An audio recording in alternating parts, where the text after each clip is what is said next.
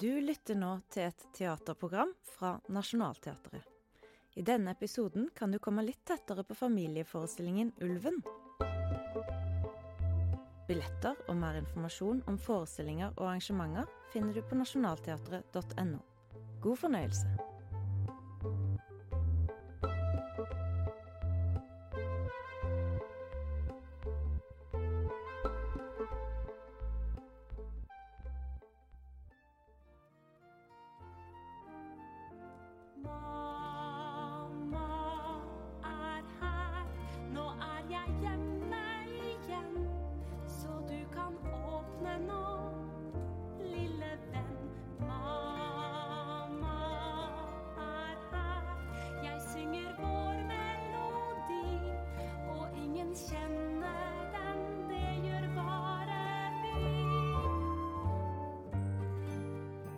I denne episoden skal vi fortelle deg historien om familieforestillinga Ulven.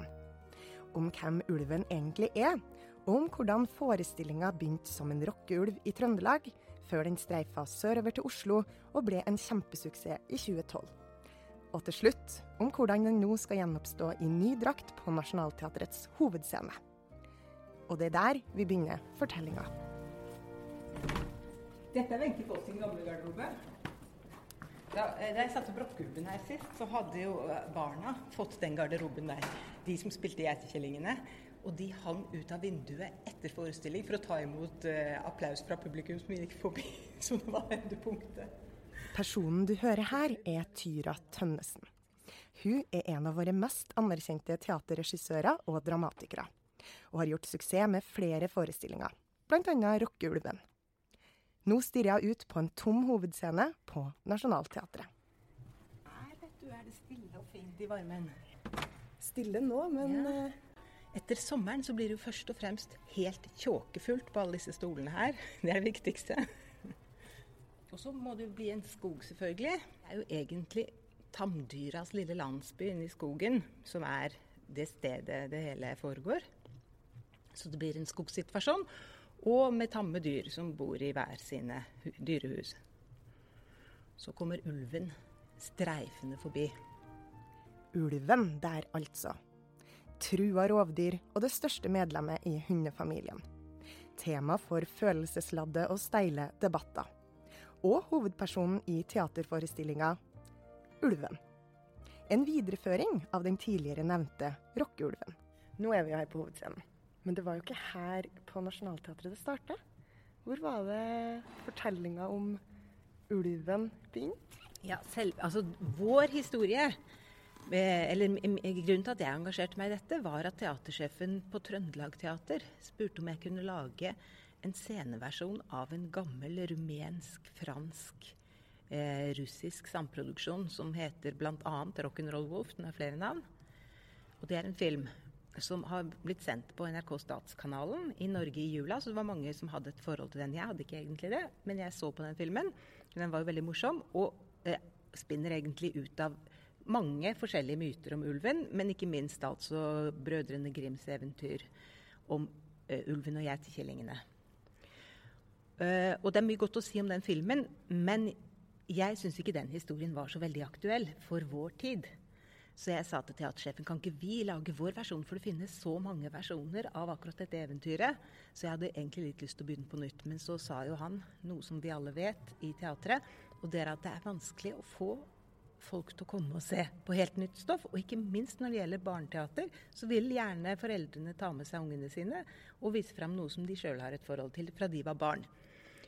Sånn at eh, Hans ønske var at jeg skulle bruke elementer fra den filmen, så vi ble enige om at jeg bruker musikken og litt av kostymene fra filmen. Og så kaller vi det Rock'n'Roll Wolf. Eh, så sånn begynte det, men det var jo en helt annen versjon av eventyret som ble presentert allerede på Trøndelag Teater den gangen. Og det ble flytta til Nationaltheatret og videreutvikla enda lenger bort fra filmen egentlig der. Men så kom jo da den rumenske filmregissøren og så dette. Og sa at det er ikke min film i det hele tatt. Sånn at hvorfor kan dere ikke heller lage deres egen versjon istedenfor å å, å selge det inn som min film, og så er det ikke det. Og det hadde hun jo helt rett i, og det var jo egentlig det vi ønska. Så nå har vi endelig eh, laga vår versjon av denne gamle, gamle myten fullstendig vår versjon. Og den ligner jo i historien på det vi hadde fra før, men vi har også da laga ny musikk og gått hele kostymekonseptet ut i vår retning, norske bunader. Så nå er det den ultimate Tyra Tønnesen-ulveforestillinga vi, vi skal få se. Ja, jeg må dele litt grann æra med Åsmund Flaten, som har komponert den nye musikken, og Ragnar Olsen, som har hjulpet meg med rim og rytme. Mange har et forhold til ulven. Enten det er anstrengt eller kjærlighetsbetont. Men hva var egentlig Tyra Tønnesens forhold til gråbein før hun begynte dette ulveprosjektet? Ulven har hatt en lav stjerne, og han er jo et rovdyr. Og og jeg vet hva jeg drømte en natt, at jeg møtte en ulv, og jeg var så redd i drømmen at da plutselig skjønte jeg når jeg våkna, for jeg har jo vært på ulvens side veldig lenge nå. Men det er klart at det er et rovdyr som, som eter egentlig mennesker, og som ikke lar seg temme i noen særlig grad og sånn. Eh, sånn at det, Hva gjør vi med de rovdyra? Men det er jo også da, hvis vi skal overføre det til menneskene, et problem. At ikke alle blir snille sosialdemokrater bare av at vi er snille mot hverandre. Sånn det, det, er jo det, problem, det er jo den problemstillinga som på en måte er veldig mye av forestillingen også. Da. Hva gjør vi med de som er ville? Slik ble nysgjerrigheten vekt, og arbeidet med å grave seg ned i ulverelatert materiale kunne begynne. Hele tradisjonen med å ta dyras verden og så fortelle noe om menneskenes verden gjennom dyras verden. Det er jo en steingammal tradisjon. Og f.eks. Æsop, som vi tror var en greker, det er 2600 år gamle historier. Og der eksisterer de fleste kjente ulvehistoriene allerede i Æsops fabler. Det er Ulven og geitekillingen, to eventyr om ulven og geitekillinger. Det er Peter og ulven, Esel og ulven, Ulven i fåreklær, er også med i, i Æsops fabler. Sånn at eh, det er jo en veldig gammel tradisjon. Men det skulle altså vise seg å finnes enda eldre materiale. Jesus, som da forteller sine historier 600 år etter Æsop, henviser også til det her ulven i fåreklær. Han sier at, det, at, den gode flokk, som han er den gode gjeter for, gode hyrde, eh, flokken av sauer skal passe seg litt, for inni den flokken kan det komme en som har kledd seg ut, og som da egentlig er en ulv. Og det jeg vet ikke, men jeg bare har fantasert om at det at Jesus også eh, setter ulven opp som fienden, eh, eh, bidrar til at gode kristne utover i middelalderen på en måte har en slags rett til å jakte på ulven. Og ulvejakta har jo vært veldig utbredd. Og ikke bare som jakt på ulv, men samtidig som hekseprosessen begynner, så begynner også en veldig svær prosess mot varulver. Det fenomenet der, varulver, det er jo et menneske, en mann, som forandrer seg til ulv, ikke sant? Og de hadde masse eh, teologiske problemer rundt det. For hvem har omskapt denne mannen til en ulv? Eh, fordi at eh, ulven står i ledtog med djevelen. Et, eh, men djevelen har ikke Guds makt til å skape, så han kan ikke egentlig omskape et menneske til en ulv. Så hva er egentlig varulven? Eh, men det blei henretta masse varulver og, og, en har filosofert etterpå hva var egentlig varulver. En har begynt å snakke om at kanskje det var mennesker som hadde fått rabies, og som derfor begynner å oppføre seg med sånn frådende øh, galskap. Og så fantes det en annen sykdom som jeg ikke vet hva het i middelalderen, hvor liksom negler og øyne og sånn begynte å bli brune. Eh, og tannkjøttet trakk seg tilbake, så en fikk et sånt uh, ulveaktig utseende. Men disse sykdommene er ikke nok til å forklare det store antallet av uh, varulver som ble drept. Sånn at det, det er et eller annet med det dyriske mennesket, det ukontrollerte i mennesket, som vi assosierer med ulven og varulvmotivet. Går jo igjen i vår tid. Husk på Michael Jacksons thriller, f.eks. Eller hvor som helst. Ja, en, en, vanlig høflig mann i klær som plutselig blir en ulv, det er veldig skremmende. Men det er jo et symbol også på noe hos oss da, som ikke passer sammen med det tamme og, og trygge og kontrollerte samfunnet. Fordi assosiasjonene vi har til ulv, er som regel veldig negative. Slu, sleip, upålitelig, grådig, eh, ustyrlig. Eh, og også liksom Ikke engang Det står at bjørn f.eks. er en edel jeger. Mens ulven er en sleip og jeg husker ikke hvilke ord. Alt som er negativt, er egentlig det som er knytta til ulven. Men hvorfor er det egentlig sånn? Hvorfor ser vi på ulven som slem og grådig? mens bjørnen slipper unna som snill, og reven dum og sulten? Det her måtte vi komme til bunns i, så vi tok kontakt med Knut Aukrust, professor i kulturhistorie ved Universitetet i Oslo.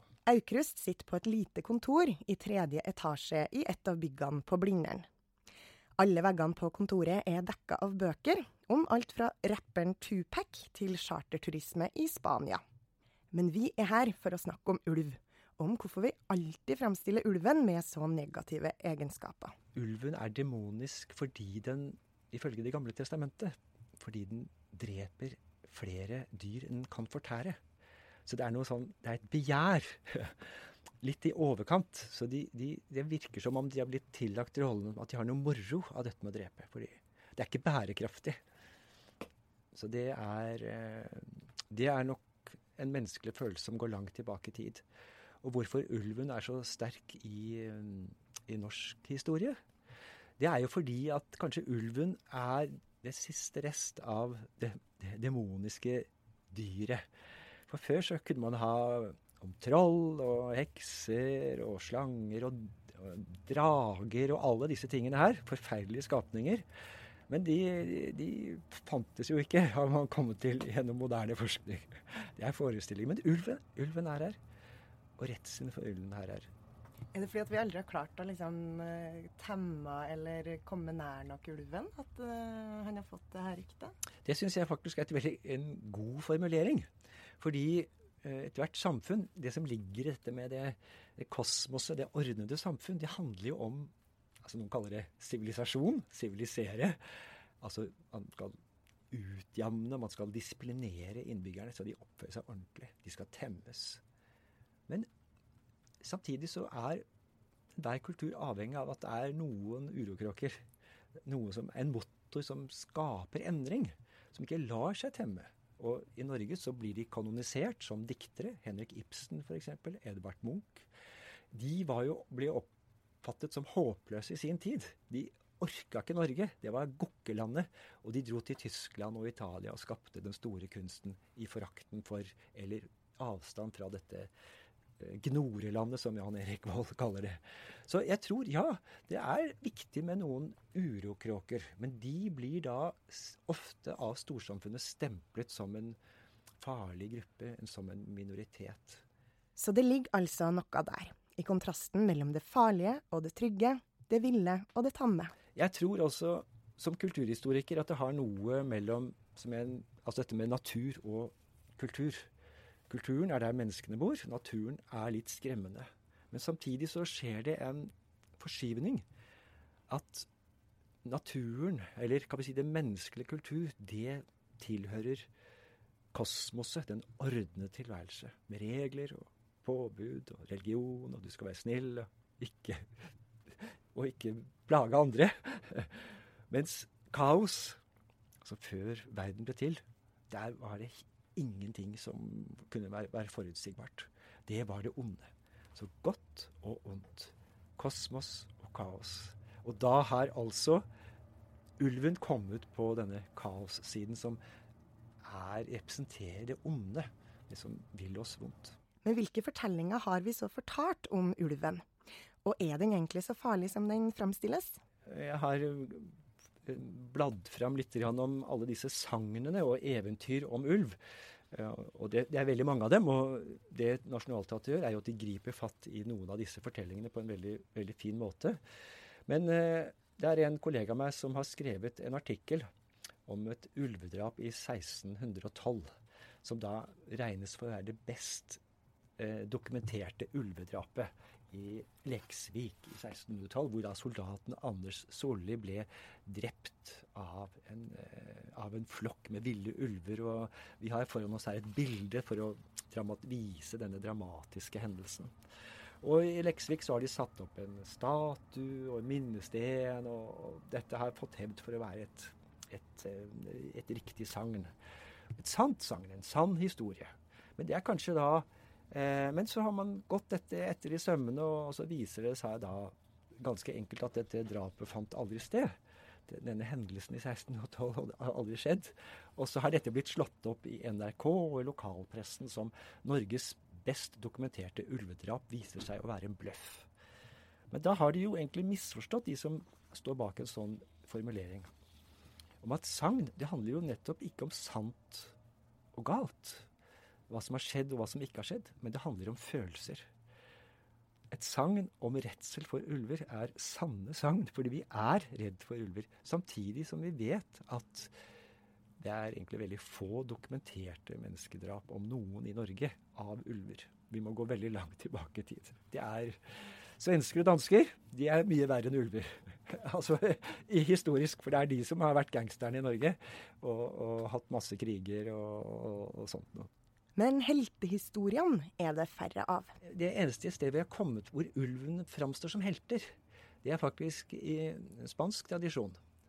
Fordi eh, Spania Dette har jeg forsket og skrevet mye om, faktisk. Spania i middelalderen som en, et flerkulturelt samfunn. En, en kombinasjon, blanding av jøder, kristne og muslimer. Og under muslimenes styre i Al-Andalus så var det faktisk sammenlignet med f.eks. Norge under Olav den hellige, så var det et flerkulturelt samfunn. Men det var altså noen nord på den spanske halvøya, i Castilla, det som skulle bli de som skulle ta hele, erobre hele den iberiske halvøya og kaste ut alle muslimene. Så var det da noen der, en som het en greve, som het Ternan, på 1200-tallet. Og han Det er laget ballader og sagn om han, hans helt var ulven. Fordi, eh, som det heter i en av balladene, det skal bare 30 ulver til å drepe 30 000 sauer. De 30 000 sauene, det var muslimene. De var, bare gikk og brekte og, og hadde ikke greie på noen ting. Mens de kristne i Castilla, de 30 viede menn, de var kraftfulle. Og de skulle gjøre ende på alle disse her eh, muslimene. Og det klarte de altså da, i 1492, ifølge deres egen fortelling. Det er faktisk det eneste stedet som jeg vet om. Og jeg syns ikke det er et godt eksempel. Snarere tvert imot. Og så var det den her varulven, da. Det er jo egentlig i forlengelsen, altså ta det til det top level. Så, øh, så det er jo også det at nettopp at mennesket forandrer seg, forvandles til en ulv. Eh, Dr. Jekyll og Mr. Hyde, altså du er eh, Det egentlig bare understreker at ulven er farlig fordi den ligner på oss. Vi kjenner noe igjen av våre destruktive krefter. Og at eh, forestillingen om at vi alle bærer i oss noe som ikke er bra, og det, det er jo sikkert riktig. Men vi trenger å Vi bør ikke gått til psykolog for å, å, ha en å prate med, men kanskje noen å snakke med om. Og, og vi må gå litt kritisk et blikk på hvem vi er, og hva vi gjør som, som gruppe. Som kulturhistoriker så vil jeg si at det som, det som er litt farlig, det er ikke ulven. Men det er kanskje menneskers evne, dessverre, til å overføre disse negative eh, oppfattelsene av hva disse dyrene er, til, til, mennesker som de ikke kjenner. Mennesker som kommer utenfra, eh, som ikke har vært der hele tiden. Og, og, og sånn har det jo vært. altså det har vært migrasjon og folkevandringer i, så lenge det har vært mennesker. Men altså at man da som bofast beskriver de andre som utilregnelige. Og gir dem altså noen av de samme egenskapene. Det er et problem. Kanskje denne framstillingen av ulven i en litt annen rolle, det kan være med på å endre våre fordommer. Og stort sett så er jo ulven identifisert med en slesk person Altså ulv i fåreklær. Og da har vi egentlig risset opp motsetningene. Det snille sauen. Sauer er ålreite dyr, men kanskje vi kan ende opp med at ulver de er faktisk også ålreite dyr. Det er en utfordring for Nationaltheatrets eh, forestilling, tenker jeg meg.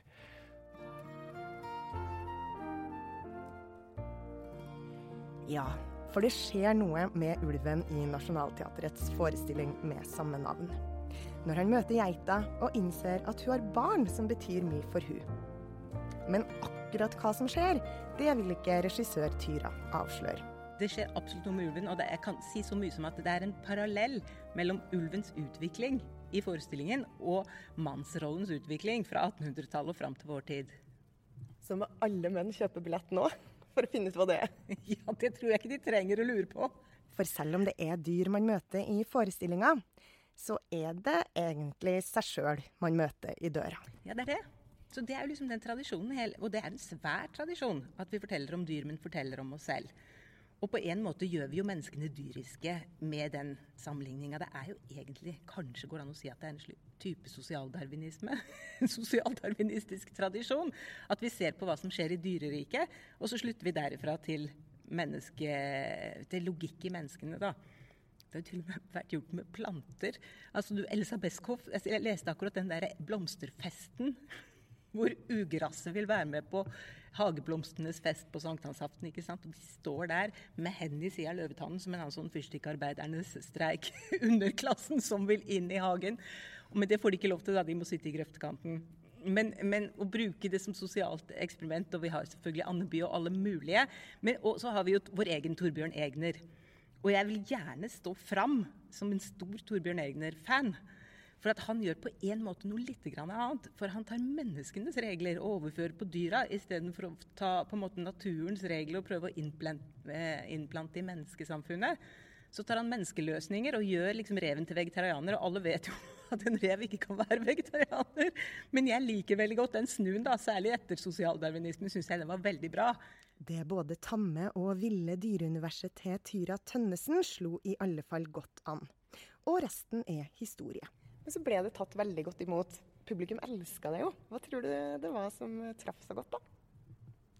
Jeg tror at det først og fremst er morsomt, og at det er mye ironi og humor. Og så er det klart at når det er musikk hele veien, nesten, så er det også veldig gøy å sitte og se på. Jeg har blitt mer og mer glad i musikaler sjøl, som, som, sjanger. Det er jo lagd helt ny musikk til den eh, oppsetninga nå. Kan du fortelle om det? Ja, altså det, det blei jo en avtale da forrige gang om at jeg skulle se, eh, bruke musikk fra den filmen til min ny, forestilling, som egentlig var ny den gangen. Det, men, men, det fantes ingen noter. Det fantes egentlig bare filmen. Det fantes ikke noe manus, ingenting. Sånn at Den gangen så tok musikalsk leder ved Trøndelag Teater og satte seg ned med filmen og skrev noter og arrangerte det sånn at det passa med min forestilling. Så han gjorde et ganske stort arbeid i å tilpasse musikk fra filmen til forestillingen. Og så hadde jeg med flere sanger enn det var i filmen f.eks. Og hvor kom de melodiene fra? Da leita han etter bare klanger og bakgrunnsmusikk og sånne ting som fantes i filmen men som han allerede da komponerte nytt, egentlig. Sånn at det, den musikken som var på Rockeulven her forrige gang, var en blanding av musikk fra filmen og musikk som Åsmund Flaten allerede hadde laga, og som løfta fram på en måte vår forestillingstanke.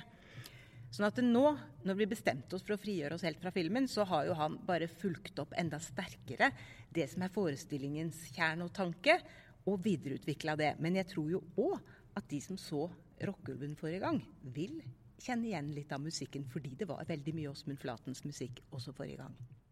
Så hvorfor mener Tyra Tønnesen at folk bør komme og se Ulven på Nationaltheatret i høst? Jeg tror jo at de som likte Rockeulven, vil like denne forestillinga veldig godt òg. Sånn det var, går an å si litt grann at det var et folkekrav at den skulle komme opp igjen.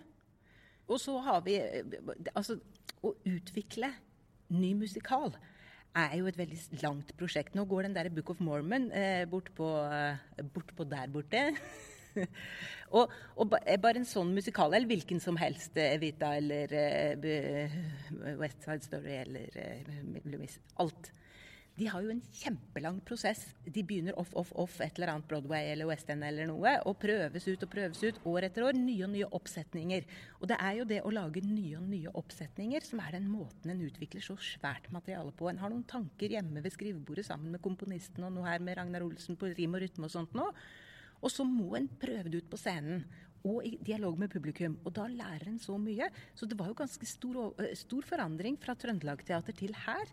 Og det å kunne gjøre det en gang til er neste steg i utviklingen av musikal, som tar sin tid å utvikle til perfeksjon. Så jeg tror den er bedre nå enn den var forrige gang.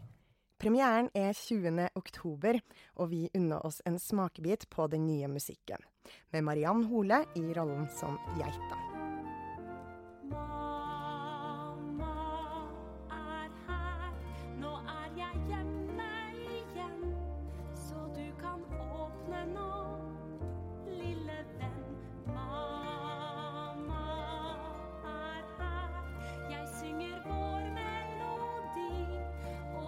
下。